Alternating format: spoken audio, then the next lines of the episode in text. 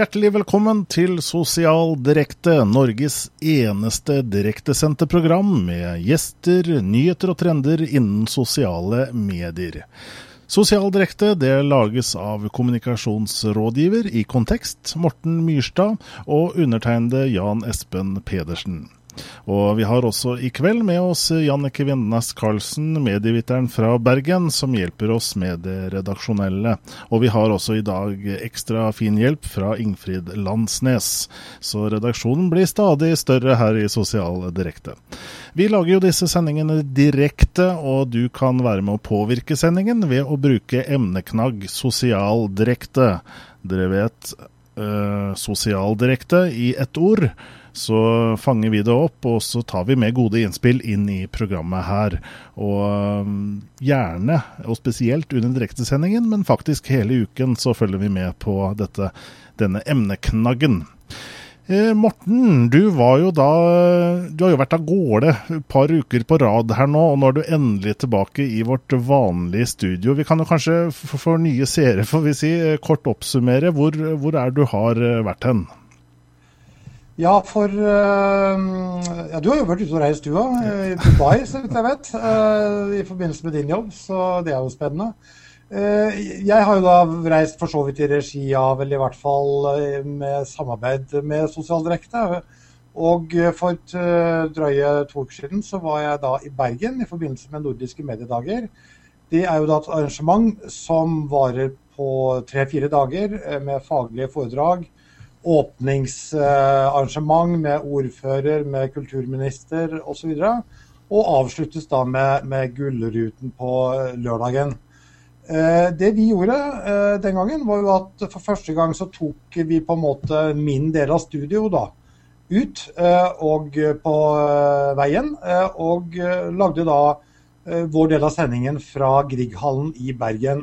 Og vi intervjuet da i løpet av en times tid eh, syv mennesker som da var foredragsholdere, eller som var eh, programledere, eller som var eh, festivalsjef i, i mediedagene. Og det gjorde vi jo både som et eksperiment, men også fordi at mediedagene er et interessant agendapunkt i, i norsk medievirkelighet. Mm. Og for de som gikk glipp av det programmet, så er det jo i vårt arkiv på youtube.com slash sosialdirekte så blir vel det program 22 eller noe sånt nå. Så kan hele, hele timen fra vår dekning av mediedagene i Bergen sees igjen for de som måtte ønske, eller for de som ikke har sett det tidligere. Eh, så tok du turen over dammen til San Francisco, Morten? Ja, da var jeg med på en uh, utviklerkonferanse i Google som heter Google IO. Og uh, bare for å være veldig tydelig, dette er ikke liksom et arrangement som har informasjonssjefer eller reklamefolk eller, eller, kommunikasjonsmennesker som meg som målgruppe. De har da utviklermiljøet i Google som målgruppe. Og hvor målsettingen deres er på en måte å, å fortelle utviklerne at vi har spennende ting på gang på Maps, på Google på YouTube, på AdWords, eh, på Android, på Chrome osv. osv og dermed også fortelle utviklerne at eh, her må dere være med og bruke deres eh, kompetanse, deres skaperkraft til å være med å utvikle gode løsninger på toppen av disse plattformene. Eh, men det var jo også spennende ting innenfor de mer kommunikasjonsorienterte elementene. Annet så lanserte jo Google en helt ny versjon av Google Pluss underveis mens da konferansen pågikk. Men, men, eh, det som kan være litt vanskelig å vite akkurat der og da, er på en måte hva var den store nyheten. Og, og det var jo ikke én stor nyhet. Det var ikke én stor hardware heller, liksom, som på en måte Google-folket holdt i hånda. Det var egentlig mange, mange små nyheter som forteller én historie. At Google holder på å sy sammen nettet. Eh, og vår bruk av nettet eh, gjennom én måte å, å å programmere på, en måte å dele kunnskap på, en måte å hente informasjon om vår atferd på. Og som jeg har sagt før, eh, dette er noe som gjør noen mennesker de føler at dette er creepy, mens andre føler at det er magisk. Eh, mm. Og det er i det dilemmaet her på en måte man må ta stilling til Google, som man også må ta stilling til Facebook eller Apple eller Amazon for den saks skyld. Eller i gamle dager med Microsoft. Mm. Du, Et poeng der i forhold til eh, at ikke det var eh, mange sånne store nyheter. Så virker det som mange opplever eh, Google som ganske komplett allikevel. Altså, vi husker i fjor med disse skydiving moments med fallskjermhopp ned på Moscone Center, presentasjon av Google Glass osv. Veldig sånn wow-effekt. I, I, år var det kanskje mer nedpå, men sånn som kursen på Google steg jo bare himmelhøyt allikevel.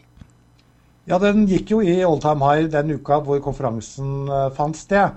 Og det som jeg tror egentlig er det som folk ser, er på en måte at, at de er smarte. At de får tingene til å henge sammen. De kommer f.eks. da med et nytt Google Map som kanskje noen allerede har fått tilgang til. Uh, det kan du i hvert fall få hvis du på en måte ber om å, å sette deg på en venteliste. Og hvor f.eks. kunnskapsbasen i Knowledge Graph også er med å poppe opp i kartene. Og det samme med vår sosiale atferd, som også er med på å på en måte forplante seg ut i et helt vanlig kart. Eh, og Det er bare ett av veldig veldig mange eksempler på at Google syr sammen sine ulike tjenester. Mm. For oss i Sosial Direkte da, så var vel kanskje den store nyheten eh, nettopp det endrede designet i, i Google pluss. Nå ser det ganske annerledes ut, og, og, det visuelle er jo veldig i fokus uh, fra, fra, Google sin side. Og hvordan, Var det noe inntrykk i, fra salen der og de du, du møtte på der, Morten? Og hva er ditt inntrykk selv? Altså Der og da var det vel stort sett uh, jubel, eller at man tok godt imot det. Og det var jo kanskje særlig de sterke billedbehandlingsfunksjonene som imponerte. Eh, altså, Google kjøpte jo i eh, fjor et uh, tysk selskap som var eksperter på billedbehandling. Nærmest i en slags Photoshop-liga, for å kalle det det. Mm. og den kompetansen har de da tatt med seg inn i, i, i håndteringen av, av, av, bilder på Google+. Men så er det jo viktig å si at omtrent samtidig så kommer jo også Flikker med en helt ny oppgradering av sin billedplattform. Så det, det er et race også gående når det gjelder bilder. Eh, og, og, det gjør det jo for så vidt på, på front etter front. Eh, men bildesiden er et, et sterkt element i, i Google sin, eh, sin plattform. Mm. Og så var det et nytt design som gjør at på min skjerm så har jeg en to spalter. Hvis jeg kobler på storskjermen min, så har jeg en tre spalter. Det er ikke alle som liker den. Og jeg likte ikke Facebook sin to spalter, så jeg er ikke helt sikker på om jeg liker Google sin heller. Eh, det er noe med navigasjon som kan gjøre det litt vanskelig på en måte å bevege seg fra side til side og vite hvor du skal egentlig prioritere. Mm. Ja, litt, litt, sånn Alt som er nytt kan være litt skummelt, i hvert fall når det, er, når, når det tar noe tid å tilvenne seg det. Men jeg, jeg kan kanskje være enig i at det, det, er litt lett å overse noen poster, i og med at du har flere i, i horisontalt for i det du scroller ned vanligvis. da. Men det er et par skjulte gode egenskaper mm. her, og som vi kommer til å få se mer til det er at eh, nå kan du da eh, Altså når du legger ut en post, så vil da, hvis du ikke har slått den funksjonen av, så vil Google Plus kunne legge opp en hashtag for deg. At den tolker at posten din har en hashtag. Eh, og, men du kan også velge selv å legge inn tre hashtagger som du mener da en post skal kunne forsvare. Og hvis du da er interessert i mer informasjon om den hashtaggen, så kan du klikke på den hashtaggen og da flippe kortet rundt og du får ytterligere informasjon på poster som ligger på Google Pluss med hashtag. Mm. Uh, og det er faktisk greit å si det at uh, mange tror jo kanskje at uh, den, den, eneste som har foredlet hashtag, er Twitter. Og det er jo faktisk riktig at det var de som satte det i system. Men det er jo en Google-mann som fant opp dette i sin tid, den som heter Chris Messina. Mm. men hashtag kommer til å bli viktigere. Det er jo også rykter om at hashtaggen kommer til Facebook. Eh, så dette vil også bety enda mer for hvordan vi lagrer informasjon, hvordan vi kategoriserer informasjon, og hvordan vi søker informasjon. Det tror jeg er viktig. Mm. Og så glemte jeg vel da nok en gang å kalle det for emneknagg emneknagg, det, det, er viktig for oss uh, som skal gå fram som et godt eksempel her i Norge. Uh, det er jo Norsk språkråd som sier at det heter ikke hashtag i Norge, det er emneknagg. Og vi skal gjøre et slag for det her i Sosial Direkte. Men uh, hashtag eller navn, navn, uansett, altså Googles Vikon Gundotra kalte vel kanskje ikke en hashtag, men mer dybde, altså dept. med at, med at man kan trykker på posten, og så snur posten seg, og så får du se mer innhold som har med emnet å gjøre. Ja, og Det er ett eksempel, og noen av de samme eksemplene ligger da også på Google Maps, hvor du da altså da kan få opp et kort, som man kaller det, hvor man også da kan få opp mer informasjon om det stedet man f.eks. For forholder seg til. Mm. Jeg tror det ble nevnt et eller annet eksempel hvor, hvor man kunne vise Eiffeltårnet i Paris uten at en post i det hele tatt hadde snakket om Eiffeltårnet. Det var vel billedgjenkjenningsmuligheten også da i, i Google som slo ut på det. Men, men, dette er vel også en av forklaringene på at layouten i Google Plus ser ut sånn som den gjør, tror jeg. Det er ikke å kopiere Pinterest. Det er å bygge opp informasjonen sin i, i, i en slags form for kort. Slik at, eh, og de kortene kommer til å følge eh, oss i mange av Googles tjenester etter hvert. Det er jeg helt overbevist om. Eh, kort til slutt fra, fra, denne uken din eh, i San Francisco. Hvordan var det å være der, da? 6000 mennesker til stede. Var det noen nordmenn, og var det noen andre kjente du traff på der borte? Det var eh, fem-seks nordmenn der. Vi i Video, som vi har hatt besøk av her, holdt jo også et foredrag. Jeg rakk faktisk ikke å treffe noen av dem. Jeg traff på en del sånne kjendiser i Google pluss-verden, kan man kanskje kalle dem. Fraser Crane, som er en ekspert innenfor bl.a. astronomi. Eh, og også Sarah Hill, eh, som jo da er eh, en frontfigur på den type TV som egentlig vi driver med her. Altså hvor man sprenger grensene litt i forhold til avstand mellom seer og, og oss i en redaksjon. Og også gjør det mulig da å, å drive kringkasting med meget, meget små midler. Ja, dette er Sosialdirekte, og direkte er stikkordet for denne timen fram til 22.00. Eh, og du kan bruke altså emneknaggen Sosialdirekte hvis du har spørsmål til oss eller våre gjester. Vi har nemlig flotte gjester som vi skal snakke med i løpet av denne timen, Morten. Det har vi. Eh, vi skal snakke med tre herremenn i dag. Eh, det er bl.a. Thomas Skavhellen, som i dag jobber i Motti Motti. Eh, han har en allsidig bakgrunn og interessefelt.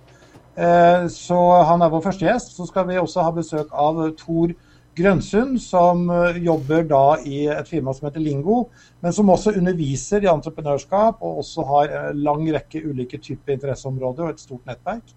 Vi skal også da snakke med Kenneth Akselsen i Social Sea. Vi har jo laget en liten serie nærmest av det å kartlegge sosial programvare. Og, eh, og her er det da Social Sea vi setter søkelys på som tredje gjest i dag. Ja. Og disse gjestene de er også med oss eh, enda senere i kveld, fordi klokken 22, eller noen få minutter etter det, så eh, setter vi i gang en uformell hangout on air, hvor det fortsatt er mulig å se eh, det som skjer hos oss, hvor gjestene er med videre, hvor vi, hvor vi tar det litt mer nedpå, hvor vi har mulighet til å, å gå kanskje enda litt mer i dybden med gjestene våre. Og hvor det vel også er mulig for noen av seerne å få plass i hangouten og kunne stille spørsmål selv. Og, og det Ja, unnskyld? Det er riktig, Jan Espen. Og det er vel kanskje greit at vi også supplerer med litt sånn nyskaping og innovasjon her òg. Uh, eh, altså Hangout on air, hvis du følger med på vår sending på nettstedet direkte.tv, så er dette det vi kaller for old school web-TV. Eh, og eh, jeg kommer inn via en hangout. Eh, noen av våre gjester i dag kommer inn via Skype. Eh, så vi bruker på en måte det som en input til vår samtale her. Samtidig så finnes det jo andre måter å kringkaste på, og en av de er da Hangout on air. Og den gjør vi da fra klokka 22. Men det vi i tillegg gjør, er at vi da også skal embedde den sendingen på Facebook.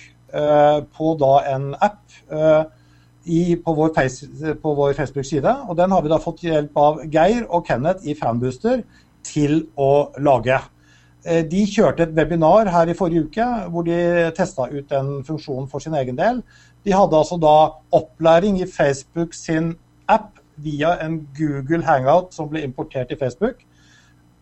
Er ikke det bra at verden begynner å snakke litt sammen?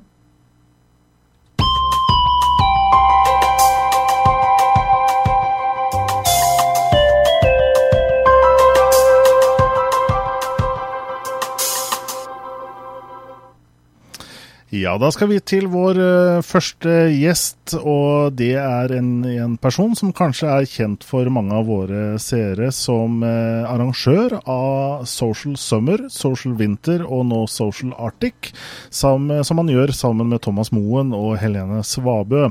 Og han jobber som salgs- og markedsansvarlig i det digitale byrået Motti Motti, som vi nevnte her tidligere. Og gamification og the internet of things er ting han brenner for, og som han blogger om på sin blogg thomasskavhellen.com. Og, og da sier vi rett og slett velkommen til oss, Thomas. Hallais! God dag, god dag. Hyggelig å ha deg med i Sosialdirekte. Jo, takk det samme. Jeg må bare si dere gjør en fantastisk bra jobb med, med direkte-TV. Det er vanvittig gøy å følge med. Tusen takk, det var veldig hyggelig å høre. Yes. Eh, men det er ikke påkrevet av alle gjestene våre, altså, men, eh, men, vi tar det med oss. Ja, men det er bra. Det skal dere gjøre. men nå skal det handle om deg, Thomas. Og du startet jo allerede som eh, gründer uh, ung, som 17-åring. Kan du si litt om hva det var for noe? Du, det stemmer. Eh, som 17-åring så har ikke du lov å starte selskap i Norge. Så vi hadde faren til han ene kompisen min som vi startet sammen med. Han måtte signere under og være daglig leder. Så sånn har det blitt. Eh, det het Fana Web. Eh, web, webselskap. Vi lagde websider. Eh, litt artig historie på hvorfor vi havnet der, er jo rett og slett at vi skulle Nest siste år på videregående, er det vel. Eh, vi skulle ha valgfag. Uh, og vi ville jo inn på matte. Matte 2, matte 3, et eller annet sånn avansert matte. Det ble veldig fort fullt, så alternativet var da jazzballett. Det hoppet vi lett over og prøvde å lage vårt eget valgfag. Så det endte opp med at vi hadde Skoleavisen bare som en webportal. Og da var det han kompisen min Henrik som var veldig flink til å lage, web, lage design, og jeg var veldig flink til å kode websider. Eh, så etter det året der så startet vi faktisk vårt eget selskap som ble kalt Fana Web. Fana er en plass i Bergen. Web er noe vi gjorde. Så, så det er liksom akkurat den biten der. Det var sånn det skjedde. Heldigvis har jeg en veldig fornuftig mor som sa at det er viktig å ha noe å falle tilbake på. Så etter ett eller to år med det, så, eller tre år ble det vel faktisk, så, så begynte jeg på NITH. Så, så jeg har hoppet fra gründerlivet og tilbake på skolen. mm. Og, og, og, weben har jo fortsatt å være med deg, selv om kanskje mange da egentlig kanskje oppfatter deg som en sosial medieperson. Så, så er jo Wordpress for eksempel, er jo en av dine eh, viktigste plattformer. De, jeg tror til og med du har sagt at du har vært forelsket i Wordpress siden versjon 2.7. Kan det stemme? Er du, er du fortsatt det? Det er, altså, det, det, det er, veldig rart. altså Wordpress ble ti år eh, i går, tror jeg. Eh, det er vel altså, det er greit å være forelsket eh, sånn generelt i Wordpress, eh, eller i, i, i barn. det, ikke, det, er ikke, bra å si at du er forelsket i en tiåring. Men eh, generelt så, så, ja, jeg er veldig forelsket i Wordpress. Det er den plattformen jeg liker best. Det er ikke den plattformen vi, vi bruker i, i Moti Moti eh, når vi utvikler. men i, i min sånn uh, lille verden så syns jeg Wordpress er bra. Ikke bare for blogging, men vanlige websider òg. Hvor, hvor, står blogging i dag, eh, tenker du? Og er blogger eh, et sosialt medium, eller er det nesten bare en måte å publisere innholdet på? På, på samme måte som Jepi-server eller andre vanlige CMS-løsninger, for å kalle det det?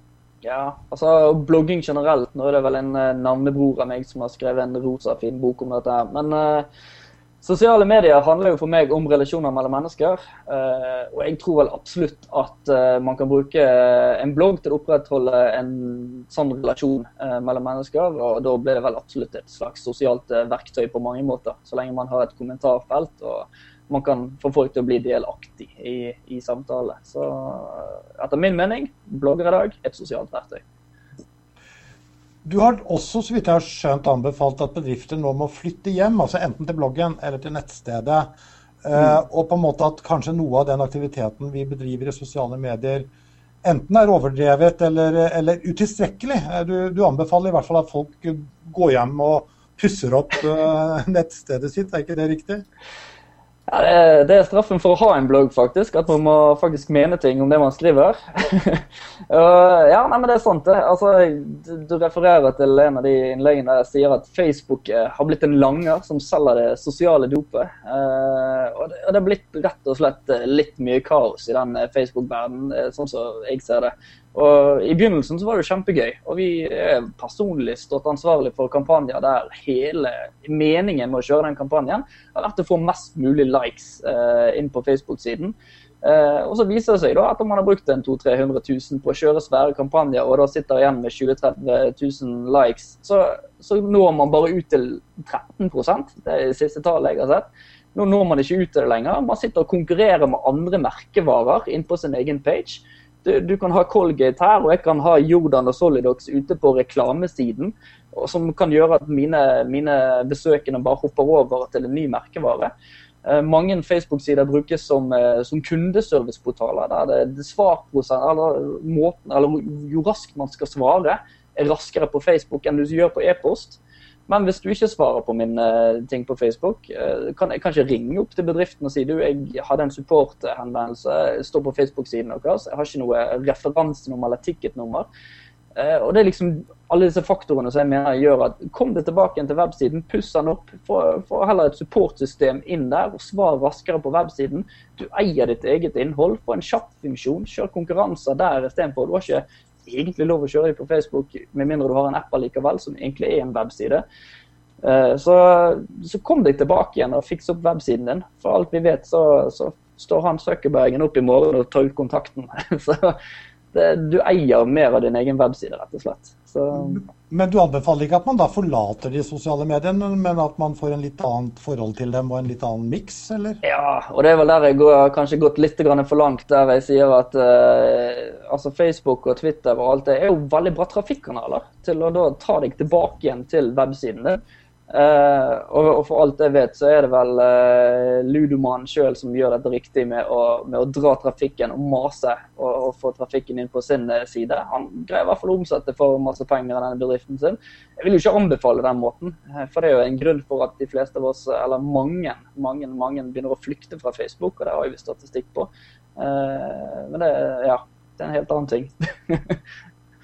Så nei, eh, bruk sosiale kanaler, men eh, bruk det gjerne som litt å få, få folk til å komme tilbake til din egen webside, der du har mer kontroll på alt. Da.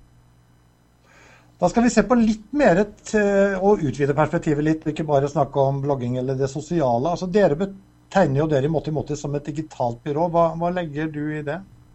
Eh, Måti leverer jo prosjekter på alle de digitale flatene. Altså enten det er mobilapp, webside, Facebook-app, eh, kampanjesider. altså hva det måtte være. Altså, vi, vi, trykker ikke ting, rett og slett. Hovedområdene våre er mobil, digitalt, sosialt og noe vi liker å kalle opplevelser. Som gjerne handler litt om online-offline-verden, men rett og slett at det, det fremdeles er digitalt. Så eh, vi holder oss innenfor det digitale, alt som kan gjøres bak en maskin. og, og, og, en app i dag, hva er det da? Er det da det du på, har på mobil og på nettbrett, eller er det også det du kan bygge inn i, inn i, sånn, i f.eks. Facebook? Ja, nei, det er Facebook-apper, det finnes Spotify-apper. Vi har smart uh, TV-apper. Altså, App i dag er vanvittig mye. Du har jo app som du laster ned på Mac-en din òg, så, så app-begrepet er veldig vidt. Så, så, det meste kan lages som en app. Ikke nødvendigvis bare en iPhone-app. De, de, selvstendige appene, da, hvis vi snakker om f.eks. på mobil og nettbrett. Uh, mm. Dere har jo kjørt en del uh, løsninger der. Uh, ja. er, er, de på en måte mer en personlig opplevelse, eller ligger også sosiale funksjoner i, i den type løsninger? Og hva er det for gode sosiale funksjoner? Uh, nå, nå, jobber jo vi altså, mot, mot produksjonsbyrå opp mot de største byråene i, i Norge og uh, faktisk i Sveits. Uh, så altså, de fleste appene vi lager, er stort sett kampanjeapper. og i de appene så er det jo stort sett at de skal ha en sosial funksjon ved hjelp av at du skal dele et eller annet. Altså dele kampanjen, dele scoren din, gjerne hvis vi har laget en form for kampanjespill. Eh, men vi ser nå at vi, vi, kommer mer og mer over på nytteapper. Uh, og i en av de appene vi har fått lov å lage for uh, et legemiddelselskap, så har vi laget en app som heter Porselensguiden. Og da har vi kjørt inn en crowdsource-tjeneste. Rett og slett for å kunne lokalisere det nærmeste toalettet når du er ute på gaten. En sær, sær ting. Eh, og da er jo det på en måte et lite sosialt nettverk der med den crowden som legger inn toaletter, stemmer på toaletter, sier fra om toalettet er åpent eller lukket. Eh, og rett og slett ja, gir de antall toalettruller. Så, så det, det, er en sær, sær app, men uh, man ser i hvert fall at mulighetene er der. til at det veldig, blir annerledes. Veldig grei å ha hvis man er trengende, i hvert fall. Veldig greit. Men, man ser jo òg det at folk etter klokken tre gjerne registrerer busken rundt uh, Stortinget. Og det, det, er jo ikke en app. Eller nei, det er jo ikke en toalett direkte. så mange vil gjerne se på det som det, men, uh. Um, så har du kanskje da noen interesseområder som du også blogger om, og blogger ganske mye om. Og du har til og med også formulert at du på en måte deler ikke så mye informasjon om sosiale medier lenger. Uh, hvorfor er det blitt slik? Uh, nei, det er veldig mange mennesker som deler veldig mye om uh, sosiale medier. Uh, jeg har vel gjerne gått litt og litt fra det, rett og slett for å spisse meg mer på, på de tingene som jeg brenner veldig mye for, som da er gamification og online-offline med Internet of Things. altså det, det, er ikke plass gjerne for, eh, for andre enn eh, livesending med sosial direkte, hvis vi òg skulle snakket om sosiale medier. Så, så, det er vel gjerne derfor prøve å spisse meg frem til å finne min, min, lille vei. Eh, det er vel derfor jeg ikke deler så mye om sosiale medier. Det er mest på bloggen. og Fremdeles så deler jeg litt ut på Twitter om, om ulike sosiale medier og Facebook. Når, når vi kan jo lage en mandagssending om, om, games og gamification da, Thomas. Det kan jo kanskje være en idé. Det skal ja. ikke bort ifra. men, men, hva er gamification? Eh, det er jo et eh, buzzword, men, men, hva legger du i det ordet? Ja, og gamification er det mest tøysete navnet du kan putte på en uh, ting ever, uh, rett og slett. Uh, men altså, gamification, sånn som vi ser på det, så er jo det egentlig prosessen av spilltankegang og spillmekanismer. som da er til for å engasjere brukere og løse problemer å engasjere brukere, kan man tenke på at man da lager spillelementer i små kampanjer, eller uh, bruker det rett og slett i, i Facebook-verden. Mens, eh, mens, løse problemer er mer sånn som disse treningsappene som Nike Pluss, sånn for å få deg i form. ikke sånn Motivere deg og engasjere deg til å holde deg i form. Så eh, det er det jeg ser på som, som gamification i dag. Eller spillifisering, eller engasjemering, eller hva det skal være. Så det, det, handler ikke bare på en måte om å bli kongen av eh, Kongens gate eller et eller annet sånt? Det, det, hva, er det, hva er det folk gjør feil da, når de lager dårlige gamification-løsninger? Uh, det er mange ting. Det er mange ting. Uh, særlig innenfor kampanjeverden. Uh, og, og, rett og slett sier at bare, altså, hvis man tar et dårlig produkt og bare putter en bunke med badger i det, og litt poeng, altså da er det hele, hele, hele meningen vekke med gamification. Uh, gamification uh, baserer seg på hvert fall uh, altså Det er fire hovedgrupper av spilltyper som vi pleier å legge inn der. Du skal engasjere fire spilltyper. altså Både de som elsker bare å løpe gjennom, og de som liker å bruke lang tid. De som liker å være sosiale, og de som bare skal vinne rett og slett. Og hvis du ikke greier å engasjere alle sammen samtidig, så har du egentlig en skikkelig dårlig gamification-løsning. Uh, og det er det som ofte skjer i kampanjer. Man bare har 14 dager på seg, mens en skikkelig gamification uh, av gjerne arbeidsplassen din, det, det krever litt mer tid. Og da har man muligheten til å tilpasse seg. Da. Så det er liksom feil bruk av ulike gamification. Ja, ting. mm. Ja, Apropos ting og the internet of things. Eh, det er jo også et begrep. Hva, hva legger du i det begrepet? Eh, det har vokst veldig mye. Eh, første gang Internet of Things ble nevnt i en annen setning, var vel i 1999, tror jeg. Og, men akkurat nå så betyr det veldig mye mer at man putter vanlige husholdningsprodukter og kobler det til internett. Alt fra lys, varme til brødristeren din. Uh, og man har vel alltid hatt denne fremtidsrettede tingen med kjøleskapet som skal fortelle mobilen din hvor, hvor, mye ting som er igjen inni der, og mm. igjen lage en oppskrift ut av det, sånn at du kan lage noe til middag når du kommer hjem. Mm. Eller si fra hvis det er for lite melk. Altså, og de, og er, det langt, er, det langt, unna, eller? Du, De tingene finnes jo, men det koster jo all verden. De tingene som uh, ikke er langt unna, uh, som faktisk finnes. Har jo et vanvittig sykt eksempel på akkurat det. Ja. Nå, nå skal vi se om dette funker. Det funket tidligere i dag. Uh, nå skal jeg ta og sjekke inn på Foursquare. Uh, rett og slett si 'bli lys', så skal vi se om det lyset på den siden der slår seg på. Nå sjekker vi inn på, på, på Foursquare. Skal vi se, da fikk jeg jo Se der! Neimen, sånn har det blitt. da bruker vi Foursquare til å slå på lyset, ikke sant? Mest meningsløse eksempel ever. Men det finnes så mange sensorer ute der nå som kan finne ut når du skal vanne blomstene dine. Uh, det finnes en gaffel som er koblet til, til internett, uh, som da måler hvor fort du spiser og sier ifra, sånn at du ikke spiser for fort. Den kan igjen ligge statistikk opp på internettsiden, et lite nettverk oppi der. Du har en badevekt som sier ifra hvor, hvor, stor du har blitt eller hvor liten du har blitt. alt etter sånn. Så, så de tingene der, de, de, finnes allerede. Det er bare til å gå og kjøpe det. Og den løsningen som jeg har her, den er satt opp på fem minutter og, og, og kan lett uh, settes opp. Uh, men selvfølgelig litt vanskelig å finne skikkelige bruksegenskaper på, på, på dette her. Eller få det til å bli skikkelig. da.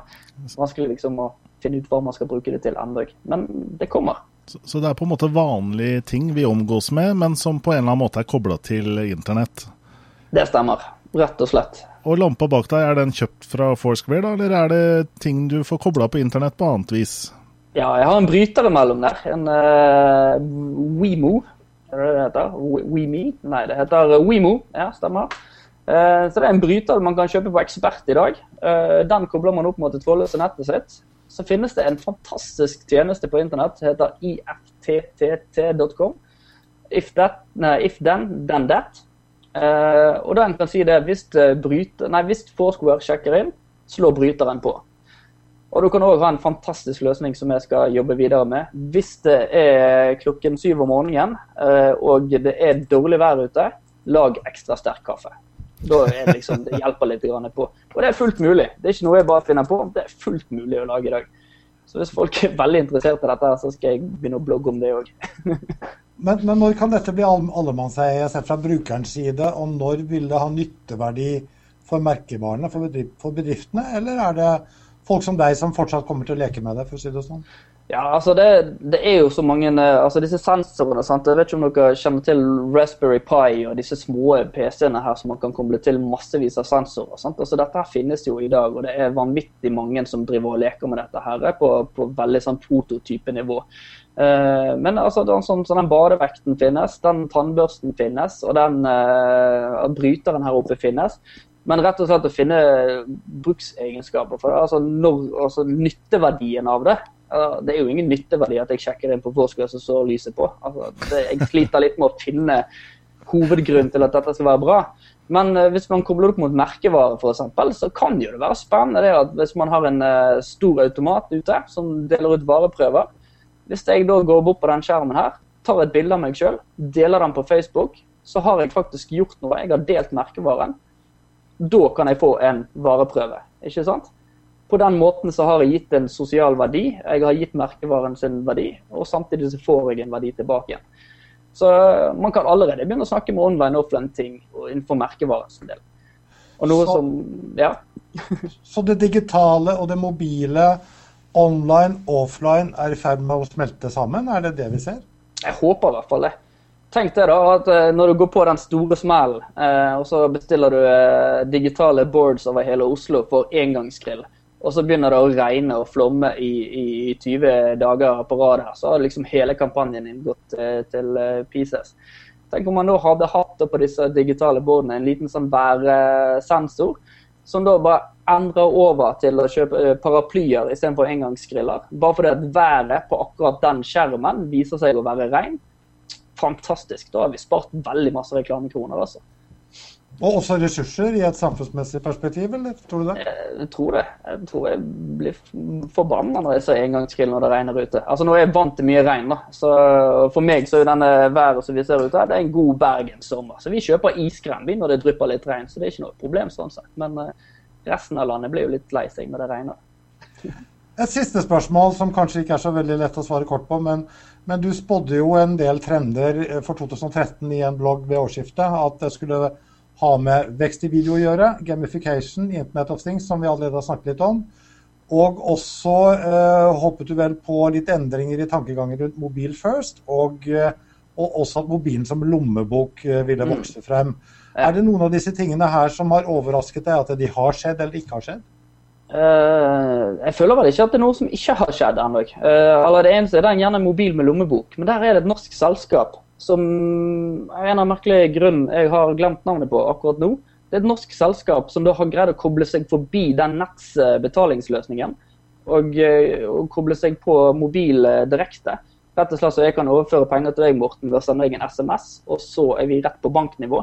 Så de har fjernet et ledd, som jeg syns er dritsexy, for å få vekk de som tar alle gebyrene.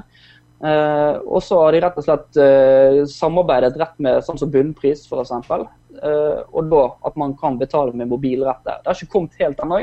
Jeg tror det var beta nå til høsten, og så er de liksom i gang.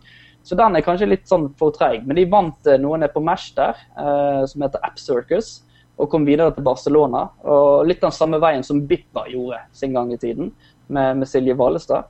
For de som kjenner til den. Så, så det er jeg kanskje litt usikker på. Video Eh, det går gjerne for treigt ennå, men uh, heldigvis er det, er det, ting som ser lyst ut der. Og Et selskap som heter Video23 de har nettopp sluppet en ny sånn uh, eh, HTML5-player. Som at vi slipper liksom, altså videoen kommer ut på alle flater. Men i tillegg så kan du tilpasse den, sånn at med en gang du snakker om et produkt, så kommer produktet opp i videoen. Du kan trykke liksom i videoen og komme rett i handlekurv. Noe som gjør at du kommer enda lenger på den måten så håper jeg at folk da begynner å levere CV-en på video, sånn at man kan få et eh, litt annet eh, forhold til personer. Og ja, den siste tingen en video som er genialt, det er jo eh, å, å, se på, på, leiligheter. Og rett og slett få en video istedenfor å bare gå gjennom alle bildene på film. Jeg har en liten sak der på home.dk. De gjør det veldig bra. Jeg håper film følger etter. Så vi er halvveis. Fantastisk, eh, Thomas. Her går det unna. Jeg vet ikke om eh, du har fått med deg at eh, YouTube har kommet med en ny løsning hvor du kan kjøre videoen i slow motion. Så hvis folk har litt problemer med å få med seg alle detaljene dine, så kan de jo faktisk gjøre det. Bergenser, vet du. Glad i å prate. Og, og, du glemte forresten Hangout-appen. Ja. Når du sånn oppsummerte. Det er jo en fantastisk sak. Det begynte å bli en liten sånn meldingsgreie, men det, det går fremdeles litt for tregt. Og så ringer jo det på alle enhetene mine her når, når dere ringer opp på, på Google Hangout. Så det, jeg er litt usikker på om jeg liker Hangout.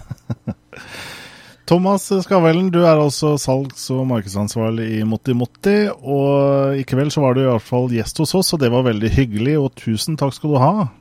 Kjempetakk for at jeg får være med. Så snakkes vi på Hangout litt seinere. Det stemmer. Rett etter klokka 22 så er du med videre. og Kanskje vi kan få det lyset av og på, og får kanskje høre mer om toalettappen. Kjempe. ha det bra.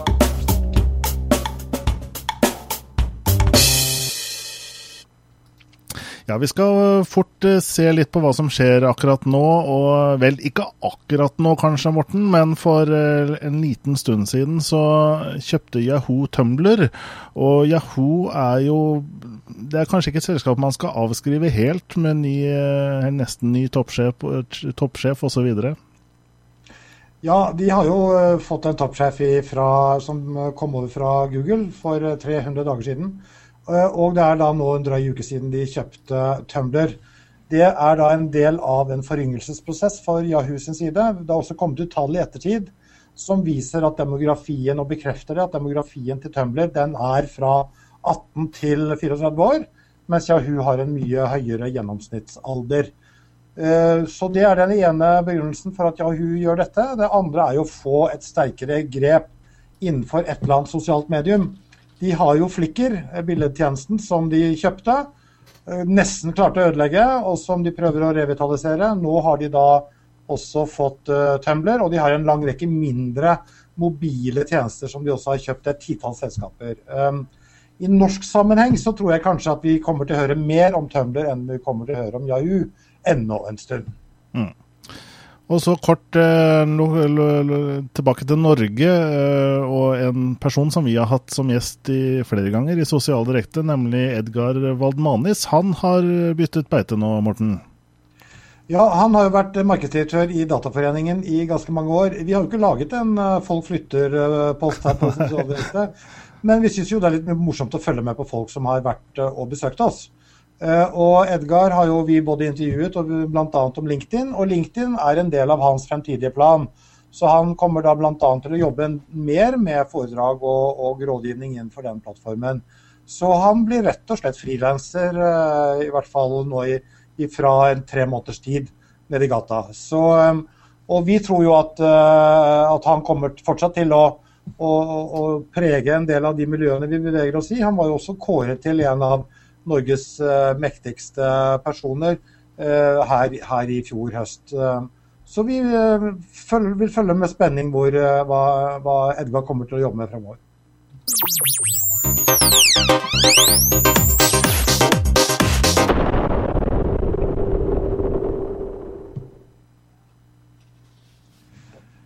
Så har vi fått besøk av Tor eh, Grønsund, har vi det? Hei, hei. Hei, Tor. Eh, velkommen til Sosial direkte. Takk for den, Morten. Takk. Vi, vi, ser jo ut til at innovasjon er en rød tråd hos oss her i kveld. Og du, du jobber jo med innovasjon. Du underviser i innovasjon. Du har et selskap som heter Lingo, og som også har det som noen av sine forretningsideer. Hva, hva legger du i, i, innovasjon og entreprenørskap, som jo kanskje også er et annet begrep som henger tett sammen? Entreprenørskap vel, eh, kan defineres på veldig mange måter. og Det strides for, for øvrig i dag med, med, hva som er den beste definisjonen som, med mange andre fagfelt. Eh, den tidligste definisjonen, eh, som jeg egentlig liker veldig godt, det kommer fra fransk. Det ligger litt i ordet entreprenørskap. og, og det handler vel egentlig om å kjøpe til en, til en, bestemt eller en kjent pris, og da selge til en ukjent pris. Derav risiko. En entreprenør er på mange måter som begir seg ut på, på en lignende reise og, og starter og utvikler et produkt eller en tjeneste eh, hvor det finnes en risiko. Um, det store spørsmålet uh, synes jeg på området som er interessant, og det som diskuteres veldig mye innenfor fagfeltet, er hvorvidt entreprenørskap er noe som kan læres, om det er noe som er medfødt. Uh, noe som, som, på en måte utfordrer skolen eller fagfeltet entreprenørskap i økende grad. Da, da liker jeg å på en måte peke på ledelse, organisasjon og ledelse, kan det læres? Det er en skole som har fungert i, i, i, mange år, og, og, man utdanner massevis av, av, av, ledere eh, rundt forbi Norge i dag. Uh, ledelse er et veldig viktig komponent i entreprenørskap. Um, samtidig så, så, ser du på andre siden når det kommer til kunst. De beste kunstnerne vi har rundt forbi verden, har gått kunstskole. Artister kan artisteri læres. Så, så, entreprenørskap handler veldig mye om kombinasjon av, av ledelsesfaget og det jeg ser på med kreativitet og artisteri. Eh, og Hvis du ser på de disiplinene hvor, hvor folk allerede eh, lærer mye, eller går på skole for å lære ting, rett og slett, så, så ja. Eh, så, så, er det interessant å se på, på entreprenørskap som, som noe som potensielt i hvert fall kan læres til en viss grad. Det kan jo se ut som at det er en større interesse og oppmerksomhet rundt det. Det vokser fram eh, ganske mange unge mennesker som ikke bare, ikke bare er entreprenører, men som også på en måte selv jobber for å stimulere til å skape miljøer. Eh, har vi fått et kulturskifte på dette området de siste 10-20 årene, Tor? Eh, ja, absolutt. Vi, vi, vi, snakker for øvrig om, om eh, noe Vi kaller det en demokratisering av entreprenørskap. Uh, entreprenørskap som felt er liksom ikke lenger uh, forbeholdt uh, enkelte, enkelte, mennesker. Det, måte, det, det, får innpass i større bedrifter som begynner å, å, å se verdien av å jobber med, med risikoprosjekter. De blir trua av eh, tjenester kommer raskt opp og fram, som Facebook f.eks., som Skype f.eks. Eh, og her må, må, de store bedriftene tilnærme seg entreprenørskap eller produktutvikling på, på, på, og, og, kommersialisering på, på, en ny, mer iterativ og lettbeint måte. Eh, så entreprenørskap begynner å få innpass der òg. Eh, de store endringene innenfor entreprenørskap, eh, slik, slik jeg ser det, eh, dette med teknologiendringen i dagens samfunn. Tidligere måtte man for å for starte opp teknologiselskap gjerne kjøpe inn en server til, til 100 000 kroner. I dag så går man og, kjøper akkurat det man har behov for på, på Amazon, og betaler kun for det man har behov for. Eh, på samme måte så, så på markedsføringssiden så tidligere så investerte man gjerne i, i markedsføring. uh, kampanjer. I tradisjonelle medier så var det en dyr og tungvint affære. Der betaler man f.eks. på bruker man Google på, på på samme måte, rett og slett for å, å få ned kostnader, betaler vel egentlig kun det man, man får inn eh, for. Eh, det samme kan ses på samhandling. Eh, team-samarbeidet på, på, på, tvers av eh, landegrenser over, over, Skype. Noe som har fått prisen radikalt, og noe som gjør at du får flere entreprenører inn i markedet. Det er blitt enklere og, og billigere, rett og slett.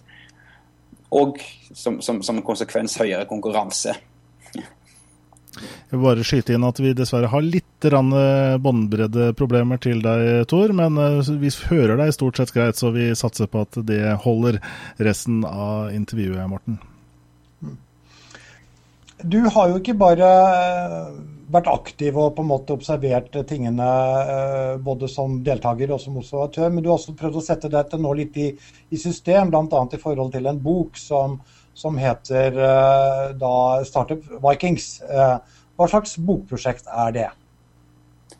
Startup Vikings er en bok eller en bokserie som, som intervjuer eh, et tredvetalls nordiske entreprenører om deres reise kan du si, fra, fra, fra idé og tidlig oppstart til utviklingen av uh, suksessfulle uh, voksne selskap.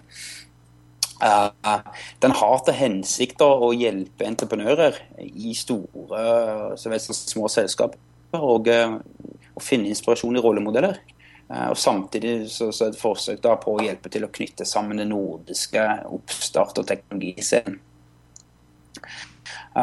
Det kommer jo egentlig som et resultat av, av, av en observasjon hvor jeg føler at man igjen i Norden ikke anerkjenner de gründerne og entreprenørene som har gjort en formidabel innsats, ofra gjerne både kone og hus i de tilfeller det, det har skjedd, eh, for å følge drømmen sin. Likevel så brukes som regel amerikanske internasjonale caser. Og, og, det nordiske scenen kritiseres ofte ikke for å være innovativ nok eller skape nok bedrifter. Uh, jeg mener at ikke det er tilfellet, og forsøker da å bringe opp uh, de gode historiene og, og se på mennesker menneskene bak og reisen deres, rett og slett. Samtidig som man måtte prøve å ta med eh, inn på konkrete innovasjonstips og, og råd som, som bedrifter da kan anvende som bedrifter eh, kan anvende sin egen eh, innovasjonsprosess. Noen av selskapene er jo bl.a. selskaper som Opera, eh, Spotify osv. Skype. Eh, hva, har du funnet noen fellestrekk med disse selskapene? Vi, vi, ser på eh, mønster og sammenhenger mellom de ulike intervjuene, ja. Eh, det har med å få en mest mulig konsistent intervjuguide, slik at vi kan eh, analysere disse trekkene. Og Det er noe vi holder på med fortløpende. Men hvis vi, hvis vi løfter oss litt opp, så kan vi se en god del interessante ting. Blant annet så vet vi at Norden har utvikla den moderne GSM-teknologien, eh, objektorientert programmering, PHP-programmeringsspråket, CSS, som handler om hvordan weben ser ut i dag, Linux, som, som, som, hoster veldig store deler av verden i bunn. Eh, når vi tenker på dette, så, så, så, er det interessant å se på Norden og faktisk har utviklet den plattformen som selv gründere eh, og entreprenører verden over bygger på toppen av. Så sånn, sånn sett har på mange måter den, den, den nordiske, eh, nordiske teknologiutviklingen skapt en plattform. Videre så, så, så, kan man gjerne stille seg spørsmål ja, vi er flinke på teknologisiden, men vi klarer gjerne ikke å, å kommersialisere. Her trenger vi òg å løfte, løfte, på panseret og se, se, litt under. For, for, for uh, Nordens befolkning er vel noe sånn som 3,5% av Europas befolkning. Uh, Norden står samtidig eh, ansvarlig for 33% roughly av all exit-verdi over 1 eh, milliard dollar eh, i, Europa. Så Det er tigangeren. Så vi har en ek ekstremt eh, stor nytte, eller skapt mye økonomisk verdi ut av dette samtidig. Noe som gjør egentlig regionen kanskje vel så interessant hvis du ser det i forhold til innbyggerantall, som, som de store teknologihubene Berlin, London, kanskje Silicon Valley til og med. Um, ja, så Det er noen par andre mønstre også som er interessant å nevne kort. Vi, vi, vi kommer jo på verdenstoppen nå i Norden når det gjelder på antall bedrifter skapt eller oppretta og, og, nye selskaper generelt sett uh, per, per, antall innbyggere. Uh, samtidig som, som, man har vært regionen har vært kanskje den med høyest og høyest penetrasjon på smarttelefoni. Det samme når det kommer til Eh, bredbånd. Eh, og for så vidt historien om at eh, nå Tesla har sitt beste marked i Norge. Noe som ligger til sammen disse faktorene gjør regionen ekstremt interessant. Vi må bare lære oss å anerkjenne det og se mulighetene. Nå har det jo innimellom vært slik at uh, mange påstår at vi likevel ligger langt bak i, i, Norge. Det har jo til og med vært sånn at f.eks. TechCrunch skrev en artikkel i fjor uh, om at det sto dårlig til. Uh, du svarte på den. Og du mener altså at det slett ikke står så dårlig til? Eh, ja, det er det, det, som er litt av poenget, og det jeg ønsker å løfte opp og fram. Med disse eksemplene som, som vi nettopp gikk gjennom, så, så, så, forsøker vi jo egentlig å peke på Norden som en, som en mye mer aktuell og relevant scene, som ligger faktisk i, i, i verdenstoppen på flere områder. Det er selvfølgelig en god del ting å peke på. Norge f.eks. er tradisjonelt sett mye flinkere på komponentbaserte teknologier. Eh, og, og, altså B2B-teknologi. Eh,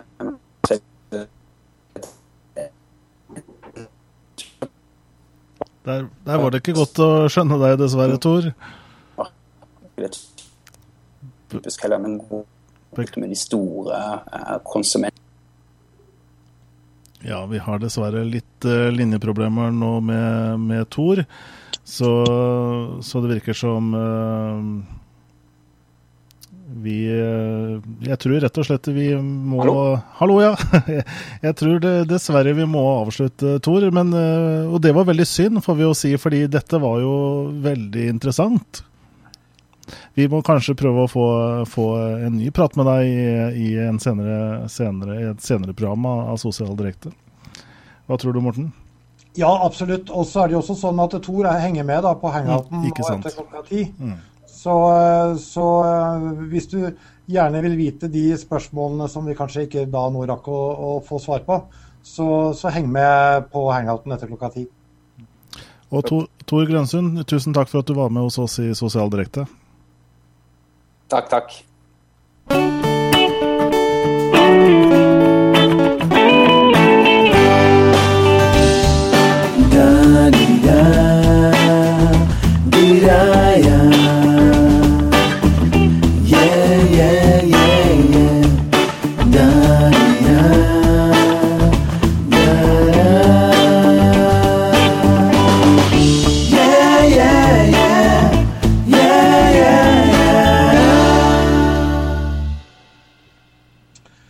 Har da fått besøk av eh, Kenneth Akselsen i Social Sea, har vi det?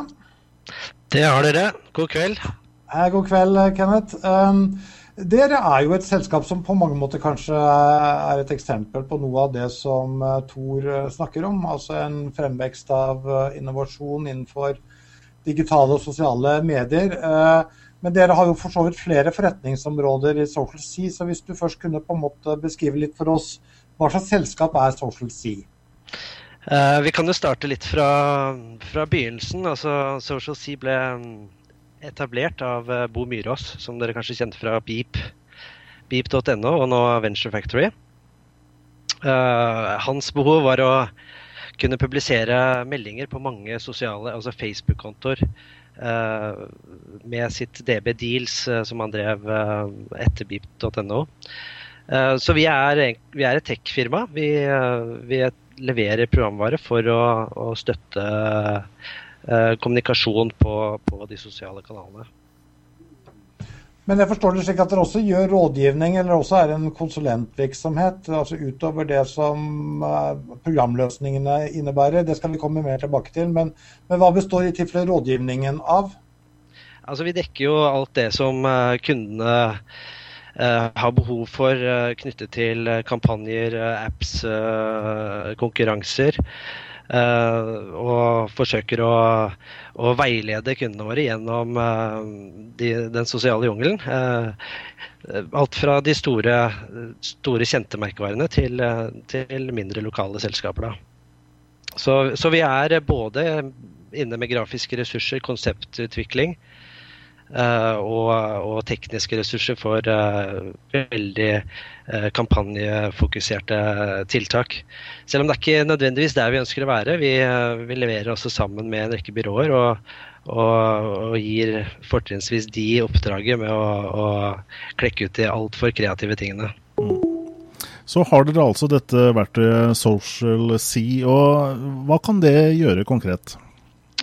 Altså, Social C er et uh, altså Vi har en helhetlig tilnærming til, uh, til, sosiale medier. Og vi forsøker å forankre det i virksomhetenes eksisterende forretningsprosesser.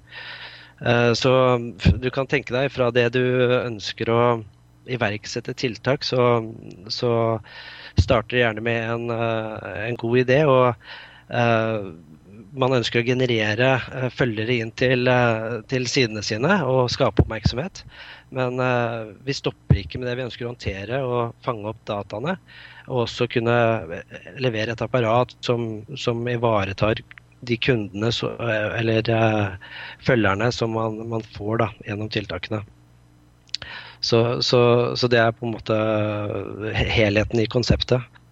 Eh, noe som bygger opp om det, er jo også det at vi, vi, vi har API-er som er åpne, og som vi, vi Eh, sender data ut fra Social Sea og inn i andre verktøy eh, med.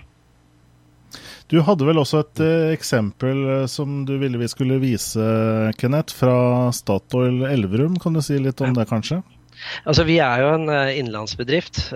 Vi kommer fra, fra tjukkeste skogen i Hamar, og, og, Elverum er da en relativt lokal Altså nær by til Hamar. Ehm, vi er opptatt av at eh, Facebook og eh, sosiale medier ikke bare er for de store nasjonale brandene. og uh, Verktøyet vårt passer veldig godt for, for selskaper som, uh, som har, uh, har, flere avdelinger. Statoil Fuel and Retail er et eksempel på dette. og Eksempelet viser på en måte hva man kan gjøre lokalt i, i å, å, å, maksimere verdien av f.eks. Facebook her. da. Uh, Statoil Roger, som vi, vi, vi kaller uh, kunden, uh, består jo av en av de største, altså den største, desidert største Statoil-butikken på Facebook. De, de, har markant økning i omsetningen sin basert på de investeringene de har gjort i, i da spesielt Facebook. han er jo noe eksentrisk person, denne stasjonsmesteren her. slik at han drar jo nytte av av å by på seg sjøl eh, skaper veldig mye oppmerksomhet. Og, og var også villig da, til å legge slankeprosjektet sitt uh, ut uh, her, som dere kan se på, på, på skjermen. Helt enkle, uh, nesten banale tiltak som skaper enorm trafikk, og, og som virkelig viser at slagene på kassa går oppover. Det er jo også flere om beina her, får vi si. Vi har jo løsninger også fra Fanbooster, iFrap osv. Hva, hva vil du si er fortrinnet med Social C, da? Altså Grunnen til at uh, kundene velger oss, slik vi opplever det, er at de, uh, de får en merverdi da, i, i, det å kunne håndtere dialogen som foregår der. Uh, vi har bl.a. 15 kommuner som bruker dette nå på sine servicetorg. Slik at uh, i det øyeblikket man får en uh, respons på de tiltakene de gjør, så kan de håndtere det innenfor de normale prosessene og arbeidsflyten som er i uh, virksomheten. Og, og, dette virker i hvert fall for oss til å fungere veldig godt. og, og og, og, og, gir kunden noe mer da enn en bare kampanje. Vi tror jo at um, at eh, konkurranser, eh, disse mer fancy, glossy eh, tingene som vi også gjør, er effektfulle for å skape oppmerksomhet og engasjement på siden. Men, men det er nå eh, virkelig businessen skal gjøres, i, spesielt på Facebook. Og, og, dialogen mellom kunde og, og, og brand eller eh, leverandør kommer til å, å, øke, tror vi, og håndteringen av det blir veldig kritisk. da. Så det handler ikke bare om på en måte å skaffe fans, men også om å på en måte binde de sammen på de andre eh, plattformene som kunden er? Eh, er det sånn å forstå? Er det toveis kommunikasjon som er kjernebegrepet, eller er det andre ord som eh, ligger i sentrum her? Ja, altså I de to verdenene som man gjerne kaller social CRM og social CMS, så, så har de jo to ulike funksjonsområder. Vi dekker begge. Og, og vi har toveiskommunikasjon da, både via, via Facebook, Twitter og også nå eh, rett rundt hjørnet Google pluss.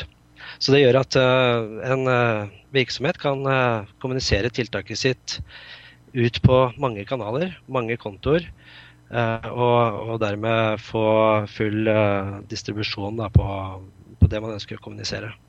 Men også kunne ta inn, behandle henvendelser.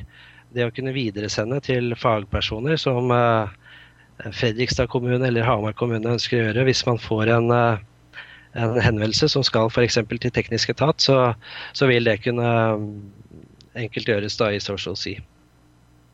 Så da kan også en kunde da få avkastning fra sine gammeldagse investeringer, for å si det sånn, sånn da i, i da kundestøttesystemer, CRM-systemer, koblet opp mot uh, nye sosiale nettverk? Er det sånn å forstå? Helt klart. Og jeg tror mye av uh, det som holder en del eh, virksomheter tilbake, er nettopp det at det er, eh, det er for kostbart å sette opp en egen eh, sosiale medieavdeling til å håndtere disse tingene. Det å få det ned på den eksisterende organisasjonen er veldig, veldig viktig for å kunne lykkes.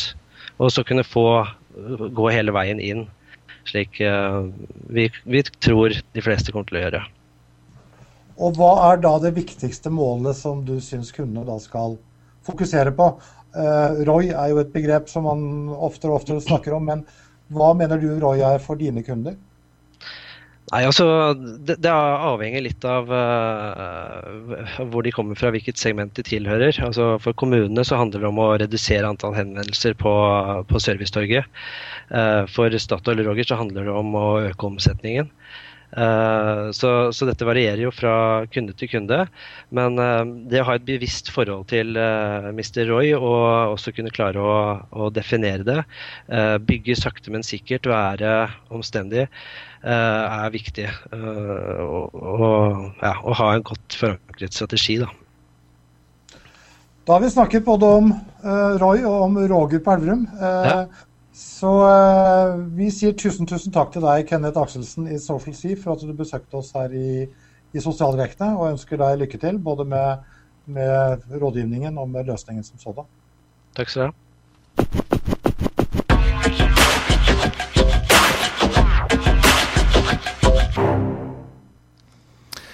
Vi skal se litt på hva som skjer eh, fram mot neste sending. og Det er bl.a. en uh, fotowalk i Oslo, Morten?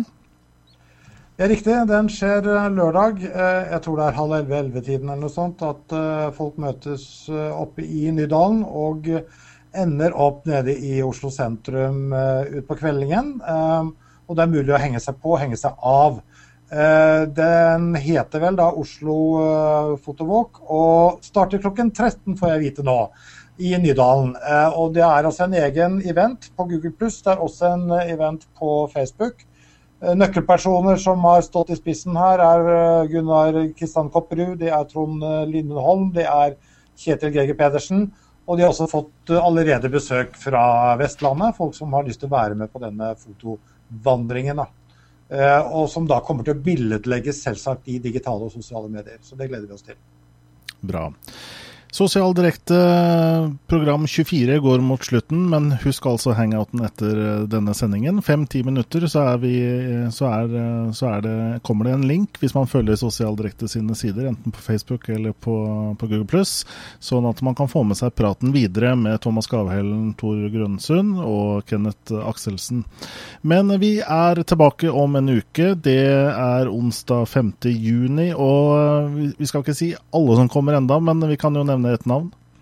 Ja, en av våre gjester er da Alain Fasott, som da jobber med salg i TV Vest. Det er vel kanskje Norges største private TV-kanal som jobber på et regionalt nivå. Og han blogger mye, og også holder foredrag om sosialt salg. Så det er et kjernetema vi kommer til å snakke med Alain om. Vi er eh, ved veis ende, som sagt, og i vårt virtuelle studio i Oslo. Kommunikasjonsrådgiver i Kontekst Morten Myrstad. Her i Sandefjord Jan Espen Pedersen. Og vi sier tusen takk eh, til Bergen og til Jannike Vindenes Karlsen, som hjelper oss i, i kulissen her. Og vi er også tilbake onsdag om en uke. Men husk hangouten rett etterpå.